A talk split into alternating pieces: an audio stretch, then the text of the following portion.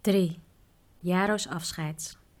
De volgende morgen stonden de reizigers en hun gids vroeg klaar om te vertrekken.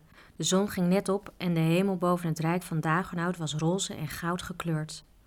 Wat is dat mooi, zei Tjuri tot Piak, terwijl hij naar het oosten wees. En dat kun je elke dag zien. Ja, en vaak let ik er niet eens meer op, antwoordde Piak wat verbaasd. De kluisnaar gaf hun één voor één de hand en zijn zegen. Goede reis, zei hij. Toen namen ze hun pakken en tassen en gingen op weg. Piak liep voorop. De volgende, Jaro en Tjuri liepen erachteraan. Achter de hut liep een pad stijl omhoog. Ze begonnen dat te beklimmen. Tot Tjuri's verwondering liep Piak heel langzaam, veel langzamer dan Jaro en hij de vorige dag gelopen hadden. Na een kwartier klimmen hielden ze even stil, om naar de hut beneden hen te kijken. De kluisnaar stond op de helling en wuifde. Ze wuifde terug. Waarom loop je zo langzaam? vroeg Tjuri aan Piak, toen ze zich weer in beweging wilde zetten. Langzaam, zei Piak verwonderd. Zo moet je lopen, anders hou je het niet vol, uren en uren te klimmen. Het bleek dat hij gelijk had. Sliepen wel langzaam, maar gestadig en konden lang voortgaan zonder te verrusten. Desondanks voelde Tjuri zich na een paar uur moe worden en het zweet schutste van zijn gezicht. Ook Jaro liep te puffen. Piok scheen onvermoeibaar. Hij klom in hetzelfde tempo voort, rustig alsof hij op een vlakke weg liep, nu en dan zachtjes zingend.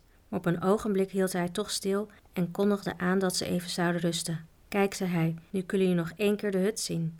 Ze waren boven op de rotswand aangeland en zouden eerst een pootje moeten dalen voordat ze de volgende bergrug beklommen. Oef, zei Puri zijn tas neergooiend. Ik heb het warm.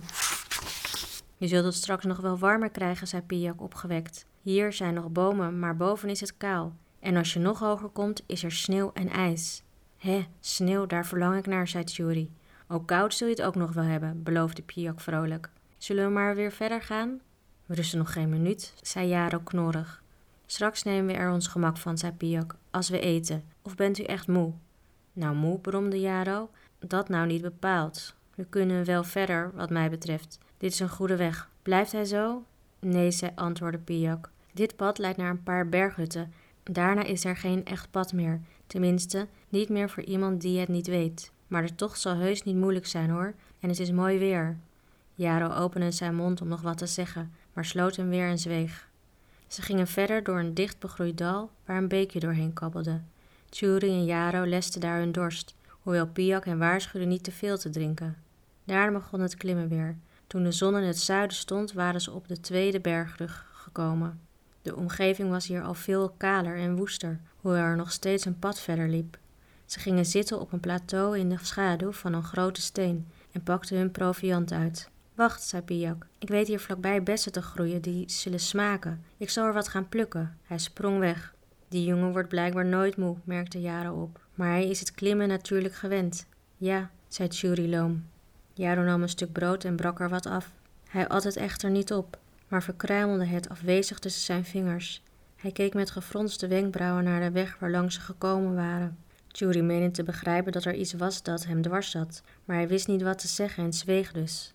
Ergens achter een helling zong Piak een liedje. Daarna verwijderde hij zich blijkbaar, want het geluid stierf weg en verdween. Zo, zei Jaro zo luid en plotseling dat Jury ervan schrok. Hij nam zijn reistas, stond op en keek op Jury neer. Ik ga nu weg, sprak hij. Jury staarde hem verbaasd aan. Weg, herhaalde hij. Ja, ik ga terug, zei Jaro, naar het oosten wijzend. Ik kan nu de weg alleen nog wel vinden. Maar waarom? vroeg Jury terwijl hij opsprong. Begrijp je dat niet? vroeg Jaro. Je wilde toch de berg over, zei Jury. Geloof je dat? Geloofde je dat toen ik je het zei? vroeg Jaro, hem strak aankijkend. Wel, ik heb geen reden om je niet te geloven, begon Jury en hij zweeg even. Het is toch niet daarom, ging hij voort. Ik bedoel, je denkt toch niet dat ik je niet mee wil hebben? Weer zweeg hij en zocht naar woorden. Wat hij gezegd had was niet waar. Hij had aan Jaro getwijfeld. Hij wilde hem liever niet mee hebben. Je vertrouwt me niet, zei Jaro met een grimmig lachje. Ik vertrouw je, begon Jury en zichzelf in de reden vallend vervolgde hij Jaro. Ik heb niets tegen jou. Ik wilde dat ik het je kon uitleggen, maar ik kan het niet. En als je niet te vertrouwen bent, hoef ik het niet eens te doen. Je kunt gerust meegaan. Ach, hou je mond, zei Jaro. Hij wendde zijn blik af en staarde weer naar de weg. Je had gelijk me niet te vertrouwen, zei hij, zonder Jury aan te kijken. Hoezo? vroeg Jury na een ogenblik. Jaro wierp een blik op hem. Begrijp je het niet? vroeg hij hem voor een tweede maal. Moet ik het je nog vertellen? Ik begreep best dat je niet op mijn gezelschap gesteld was, hoewel me dat niet kon schelen. Ik was toch achter je aangekomen. Ik wist niet waarom je me terugriep en vroeg of ik toch je reisgenoot wilde zijn. Ik vroeg me af of je een behulpzame dwaas was of dat je juist heel slim handelde. En fijn kun je beter als reisgezel onder je ogen hebben dan sluipend achter je aan, nietwaar? Weer keek hij Julian. Dwaasheid of slimheid, zei hij. Je hebt me verslagen. Ik ga terug. Mij hoef je niet meer te vrezen. Maar waarom? fluisterde Jury. Begrijp je het niet? vroeg Jaro ten derde maal. Jury meende het inderdaad te begrijpen, maar hij wilde meer weten en zekerheid hebben. Praat nu zonder omwegen, Jaro, vervolgde hij. Wel vervloekt, zei Jaro met flikkerende ogen. Als je dat wenst, goed. Ik heb niets te zoeken aan de andere kant van de bergen. Ik was gezonden om je te doden en ervoor te zorgen dat de brief, de brief die je bij je draagt, koning Unauwe nooit zou bereiken. Maar ik kan het niet meer doen. Je hebt mijn leven gered. Als je me werkelijk niet vertrouwde, was dat een dwaasheid van je die ik nooit had begaan. Toch heb je me door die dwaasheid even machteloos gemaakt alsof je me in de kloof had laten vallen. Ik kan je niet doden. Ik wil het niet. Het was weer even stil. Jaro boog zijn hoofd, alsof hij zich schaamde. Dank je, zei Jury tenslotte. Jaro begon te lachen. Nu nog dwazer, riep hij. Me bedank omdat ik je niet vermoord heb. Nee, zei Jury, zo is het niet helemaal. Ik bedank je omdat, omdat, ja, omdat je... Hij zweeg. Bedanken leek inderdaad dwaas en toch, erg was hij dankbaar tegenover Jaro.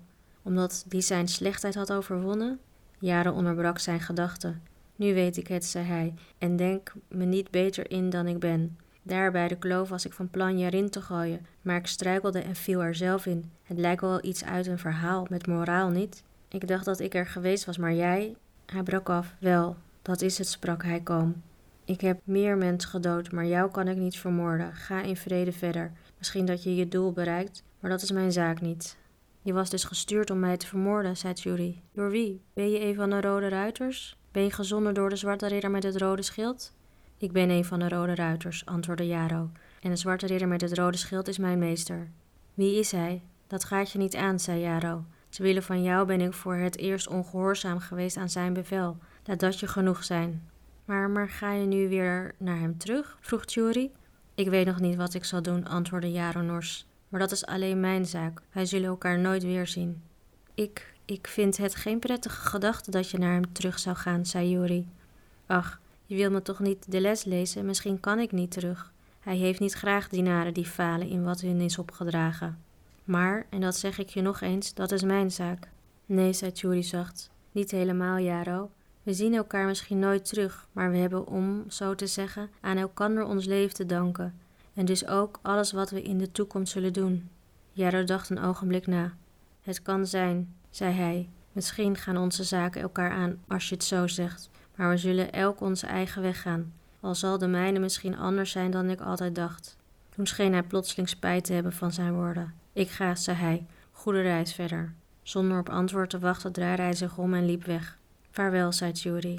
Jaro liep een eindje, maar toen bleef hij staan, aarzelde en kwam terug. Het is niet eerlijk om zo te gaan, zei hij. Ik vind dat ik het je moet zeggen. Wat vroeg Jury? Ik heb mijn leven aan je te danken, antwoordde Jaro. En nu kan ik je niet laten denken dat met mij alle gevaren voor je geweken zijn. Ik ben niet de enige die je achterna werd gezonden. Niet de enige, herhaalde Jury. Nee, we zagen jullie gezelschap uit elkaar gaan. Ik moest jou volgen en een ander ging de groep achterna, die de weg naar het westen afreed. Twee grauwe ridders, een schildknaap en een jongeling op een zwart paard. We dachten eerst dat we de laatste moesten hebben, maar toen we jou alleen de blauwe rivier langs zagen gaan, begonnen we te twijfelen.